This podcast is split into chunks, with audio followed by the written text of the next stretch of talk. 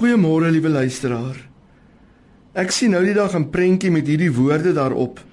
My verlede is so helder ek moet sonbrille dra. Ek wil so 'n bietjie met jou praat oor jou verlede. Wanneer ons by Jesus uitkom, word daar vir ons gesê ons lewe is nuut gemaak. Maar wat van ons verlede? Baie gelowiges sukkel met hulle verlede en het allerhande doen dit jouself lysies om met hulle verlede te af te handel.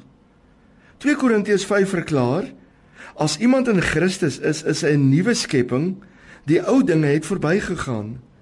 Die woord nuut hier beteken God begin nuut met jou asof daar geen verlede is nie. Baie gelowiges kan nie glo dat die ou dinge sommer net so verbygegaan het nie.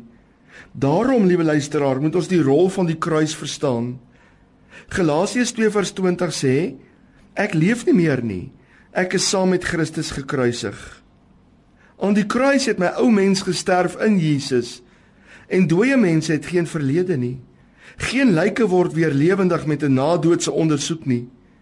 Die kruis het wie ek was, waar ek was en wat ek gedoen het uitgewis en my in Christus geplaas. En ek kry sy lewe, sy hede, sy toekoms en sy verlede. Ons glo wat met Jesus aan die kruis gebeur het, Maar liewe luisteraar, ons sukkel om te glo wat met ons aan dieselfde kruis gebeur het. Die dag by ons wedergeboorte het die Heilige Gees 'n wonderlike en kragtige werk in ons lewens kom doen. Wie ons was word uitgewis.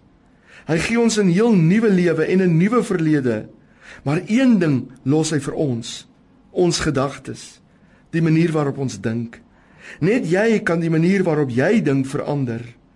En ons gedagtes het mos nou maar patrone gevorm en gevestig as gevolg van ons ou lewens. Nou kan ons kies hoe ons wil leef. Ons kan die geskiedenis van ons ou mens kies en daardeur probeer leef, maar ons gaan die nuwe lewe wat ons nou het misloop en dink ons kan eers leef as ons die ou mens beter gemaak het. Of ons kan kies dat Christus se geskiedenis nou ons in is. Ons is nie meer vas aan ons ou bloedlyne nie. Die kruis het ons daaruit geruk. Ons is nuutgebore in sy geslagsregister en ons verlede is weg. Ons erf sy verlede. Daarom sê Romeine 12 vers 2: Word nie aan hierdie wêreld gelykvormig nie, maar word verander deur die vernuwing van julle gemoed, sodat julle kan beproef wat die goeie en welgevallige en volmaakte wil van God is. Jou verlede is 'n in Christus verlede. Dis 'n hemelse verlede. Jou nuwe lewe kom van daar. Jou ou lewe is verby, dis weggeneem.